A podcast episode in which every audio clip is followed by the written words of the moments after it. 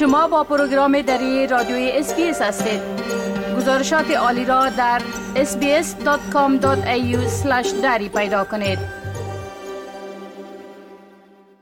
الکل در زندگی اجتماعی بسیاری از مردم در استرالیا نقش اساسی دارد. اما مردم مبتلا به اختلالات نوشیدن بیش از حد مشروبات الکلی هم خود و هم احتمالا دیگران را به خطر می اندازند.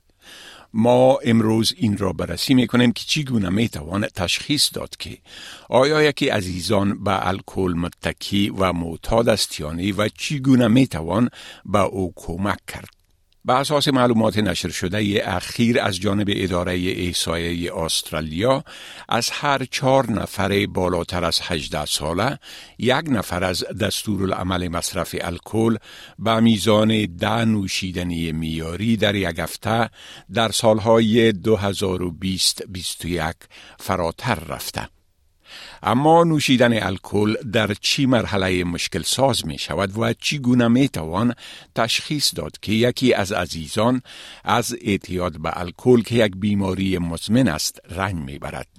هیلن گیلیز مدیر عامل نهاد الانان فامیلی گروپس استرالیا است شبکه‌ای که به خانواده ها و دوستان معتادین کمک می کند خانم گیلیز می گوید نوسانات خلق و خوی و تغییرات در رفتار و سلوک بعضی از علائمی که نشان می دهد شخص ممکن به الکل معتاد شده باشد The biggest thing we talk about is behavioural changes, and that can vary from person to person, obviously. But often people become different physically. Their mood can change, they can become very angry or upset, they can become very elusive and secretive, they can become very argumentative, um, or they can become quite distant and removed. So there's no one set of behaviours, but we, we tend to think about um, an alcoholic is somebody whose mood changes.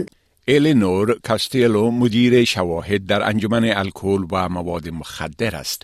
این انجمن از جانب حکومت تمویل شده که هدف آن تقلیل آسیب ناشی از الکل و مواد مخدر دیگر می باشد. او می گوید کم انرژی بودن و کم اشتهایی ممکن از نشانه های جسمانی دیگر اعتیاد باشد. You might notice their energy levels are different, they don't engage the same way. Engagement in things like work or school that it may have been really important before might change, where it might not be going so well. They might be you know, calling sick on Mondays. خانم گلیز میگوید تشخیص این که آیا کسی مشکل الکل دارد یا نه همیشه آسان نیست چون ممکن شخص هنوز بتواند کار کند و یک زندگی به ظاهر معمولی داشته باشد اعتیاد به الکل یک بیماری است که در اثر مصرف دراز مدت به وجود می آید.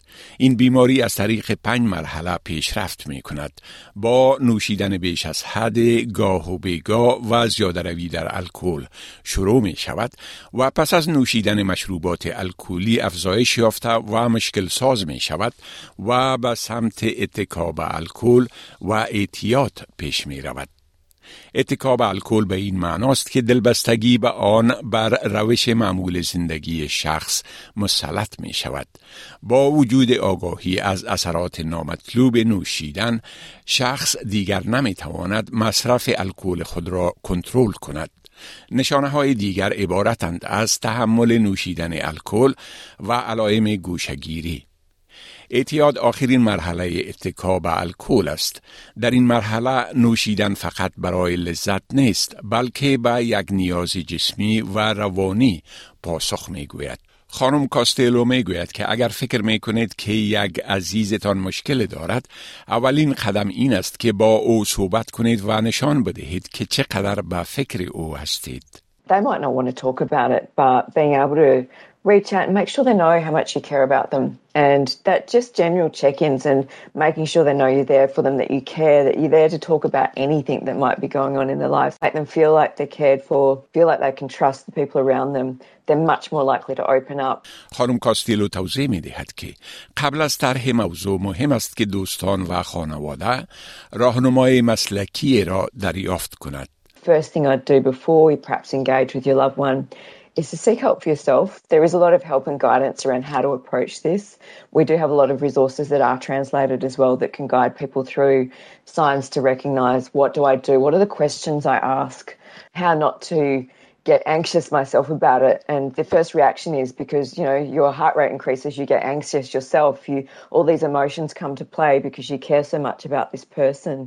نوشیدن بیش از حد مشروبات الکلی احتمال احساساتی شدن عصبانیت یا پرخاشگری بعضی از مردم را افزایش می دهد. خانم کاستلو می گوید اگر یکی از اعضای خانواده در معرض خطر باشد مهم است که ابتدا از مسئولیت او اطمینان حاصل شود خانم گلیز می‌گوید این یک مفکوره خوبی است که در صورت تشدید وضعیت کلید موتر و بکسک پولتان را آماده نگه دارید. It's not acceptable to have somebody else in your life who's aggressive or violent, and we would suggest that anybody does whatever they need to do to keep themselves safe. And understanding that if this person is in denial and they don't want to accept that uh, they have a problem, they will turn to all sorts of things to try and keep the focus away from themselves. So often they'll then point the finger and say, it's because the house isn't clean enough, it's because you spend too much money, it's because you're XYZ. None of that's really relevant. All they're doing is deflecting the attention from themselves. And getting aggressive can be one of those things that can put the person off trying to deal with the real issues. دیدن ایجاد تغییر در یکی از عزیزان به خاطر مصرف زیاد الکل می تواند بسیار دردناک و گیج کننده باشد. خانم کاستلو توضیح می دهد که نوشیدن بیش از حد الکل برای مدتی طولانی می تواند کیمیای مغز را تغییر بدهد و رشد آن را در جوانان مختل کند. خانم گلیز می‌گوید که الکلیزم یا اعتیاد به الکل یک بیماری ارتقایی است. بنان در صورت عدم توجه بدتر می شود و زندگی ها را تباه می کند طلبیدن کمک در مراحل اولیه مشکل نوشیدن الکل می تواند در نیل به پیامد مطلوب کمک کند. اما خانم کاستیلو اضافه می کند که ترک نوشیدن بدون کمک طبی برای الکلی ها خطرناک است. Our Path to Help website does have over 10,000 help and support services listed there that can be found for your local area as well. It's a good starting point and it also has a lot of self help information because they may not be ready to talk to someone, but they might be ready to have a look at some of the things they might be able to do to start with those initial stepping stones to getting some help and support. خانم گلیز می‌گوید که مهم است خانواده ها هم برای خودشان کمک مسلکی بخواهند.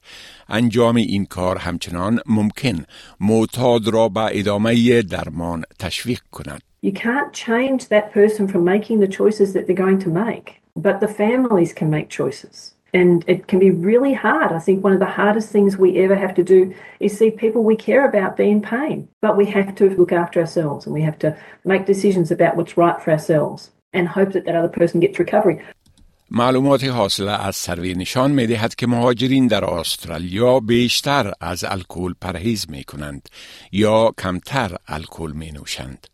بیش از نیمه از مردمی که عمدتا با یک زبان غیر از انگلیسی صحبت می کردند از نوشیدن پرهیز می نمودند یا ترک الکل کرده بودند.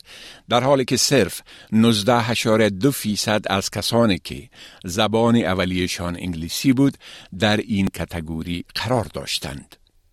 کمک به چندین زبان در وبسایت انجمن الکل و مواد مخدر موجود است. اگر به کمک نیاز داشته باشید می توانید به خدمات زیل زنگ بزنید. خط تلفن مشوره الانون به شماره 1300 252 666 انجمن الکل و مواد مخدر به شماره 1800 858 584 Lifeline به شماره 13 11 14 1800 Respect با شماره 800 737 732 و Beyond Blue 1300 224 636 می خواهید این گونه گزارش ها را بیشتر بشنوید؟ با این گزارشات از طریق Apple Podcast، Google Podcast، Spotify و یا هر جایی که پادکاستتان را می گیرید گوش دهید.